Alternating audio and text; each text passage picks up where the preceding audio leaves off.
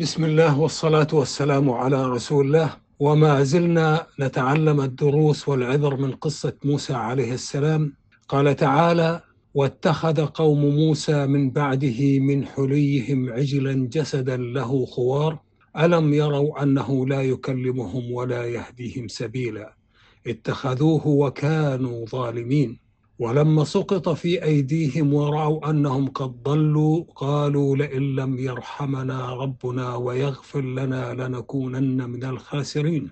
سورة الأعراف الآيتان 148 و 149 والاستكمال جزء من المشهد من قصة موسى عليه السلام ونتعلم منها الدروس ونستلهم العبر المشمولة في الآيات من الآية 148 إلى الآية 149 من سورة الأعراف ونبدأ في الحديث عن المعنى الإجمالي للآيات السابقة. يخبر الله تعالى أن قوم موسى صنعوا بعد ذهابه لميقات ربه من حليهم عجلا جسدا لا روح فيه له صوت البقر فعبدوه من دون الله. ألم ير هؤلاء القوم أن هذا العجل الذي عبدوه لا يكلمهم ولا يرشدهم إلى خير؟ اتخذوه وكانوا ظالمين. ولما ندم بنو إسرائيل ندما شديدا على اتخاذهم من عجل معبودا من دون الله بعد عودة موسى عليه السلام إليهم ورأوا أنهم قد انحرفوا عن الطريق القويم. قالوا لئن لم يرحمنا ربنا ويغفر لنا ذنوبنا لنكونن من الخاسرين. وتعلمت من قصة موسى عليه السلام لما ذكر الله تعالى فيما تقدم قصة المناجاة وما حصل فيها من الآيات والعبر. ذكر في هذه الآية ما كان من قوم موسى في مدة مغيبه في المناجاة من الإشراك لما بين السياقين من العلاقة والاشتراك في الزمن. فقال تعالى واتخذ قوم موسى من بعده من حليهم عجلا بمعنى وصنع بنو إسرائيل من بعد ذهاب موسى عليه الصلاة والسلام إلى ميقات ربه. وكما نذكر هذا الميقات كان أربعون ليلة. والمكان في جبل الطور صنعوا من مصوغهم الذي يتزينون به والذين أخذوه معهم عندما هربوا من آل فرعون ولحقهم وانشق البحر. صنعوا به عجلا وهو ولد البقرة فعبدوه من دون الله سبحانه وتعالى. وتعلمت من قصة موسى عليه السلام أنه لما اتخذ قوم موسى العجل بين الله تعالى لهم صفات النقص التي تنافي الألوهية. فقال ألم يروا أنه لا يكلمهم ولا يهديهم سبيلا؟ بمعنى ألم يرى هؤلاء القوم الجاهلين الذين عبدوا العجل المصنوع من حليهم وهم صنعوه أنه لا يستطيع أن يتحدث إليهم ولا يرشدهم إلى أي خير فكيف اتخذوه إلها؟ ومن صفات المعبود الحق أنه يتكلم ويهدي. وتعلمت من قصة موسى عليه السلام أنه لما اتخذ قوم موسى العجل إلها وكانوا بعبادتهم له ظالمين لأنفسهم حيث جعلوا العبادة لمخلوق فوضعوها في غير موضعها وهذا يدل على جهلهم وأن الإيمان لم يستقر في قلوبهم بعد ولم يشكروا الله بعد أن نجاهم من آل فرعون الذين عاقبهم الله بالغرق في اليم أو البحر.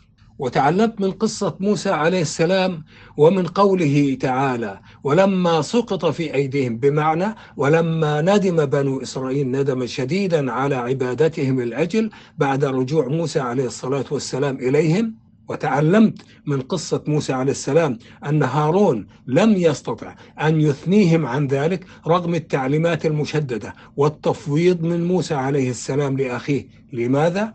لأنهم استضعفوه وعندما سأل موسى أخي هارون عن سبب ذلك قال خشيت أن تقول فرقت بين بني إسرائيل فهو بالتأكيد حاول معهم وعمل بتوصية موسى وحينها علم قوم موسى أنهم قد انحرفوا عن طريق الحق. وتعلمت من قصة موسى عليه السلام ومن قوله تعالى قالوا لئن لم يرحمنا ربنا ويغفر لنا لنكونن من الخاسرين أنه عند العلم بالخطيئة والذنب وهو الاعتراف وإعلان التوبة والاستغفار. وهنا أدركوا طلب الرحمة من الله والتوفيق للأعمال الصالحة حتى لا يكونوا من الخاسرين أو الهالكين.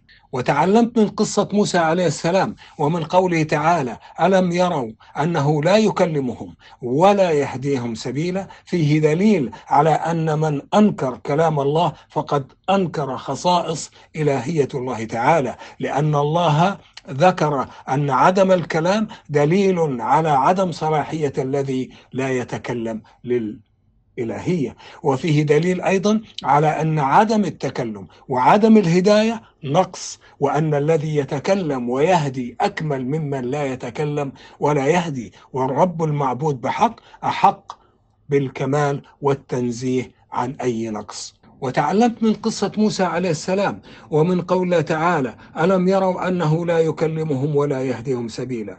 سلب تعالى عن الأجل هذين الوصفين دون باقي أوصاف الإلهية وهما الكلام والهداية لأن انتفاء التكليم يستلزم انتفاء العلم وانتفاء الهداية إلى سبيل إلى سبيل يستلزم انتفاء القدرة وانتفاء هذين الوصفين وهما العلم والقدرة يستلزمان باقي الأوصاف. فلذلك خص هذان الوصفان بانتفائهما في هذه القصة. وتعلمت من قصة موسى عليه السلام ومن قول الله تعالى ولما سقط في أيديهم ورأوا أنهم قد ضلوا قالوا لئن لم يرحمنا ربنا ويغفر لنا لنكونن من الخاسرين كان مقتضى الظاهر في ترتيب حكاية الحوادث أن يتأخر قوله ولما سقط في أيديهم الآية عن قوله ولما رجع موسى إلى قومه غضبان أسفا لأنهم ما سقط في أيديهم إلا بعد أن رجع موسى فكأنما ترتيب الحوادث هو رجوع موسى. ثم لما عرفوا أنهم أخطأوا سقط في أيديهم. ورأوا فرط غضب موسى على أخيه والحوار الذي دار بينه وبين أخيه وسمعوا توبيخه أخاه وإياهم. وإنما خولف مقتضى الترتيب تعجيلا بذكر ما كان لاتخاذهم العجل من عاقبة الندامة وتبيين الضلالة موعظة للسامعين لكي لا يعجلوا في التحول عن سنتهم حتى يتبينوا عواقب ما هم متحولون إليه. ونتعلم أيضا من هذه القصة أن الله سبحانه وتعالى عندما يخلق البشر يكون لكل إنسان له من القدرات فقدرات موسى في القيادة والشكيمة والعزيمة والقوة كانت أقوى من أخيه وإن كان وضع أخيه وهو نبي أيضا مرسل من عند الله بطلب من موسى أشدد به أزري. هارون أخي أشدد به أزري. هذا ونستودعكم الله الذي لا تضيع ودائعه والسلام عليكم ورحمة الله وبركاته.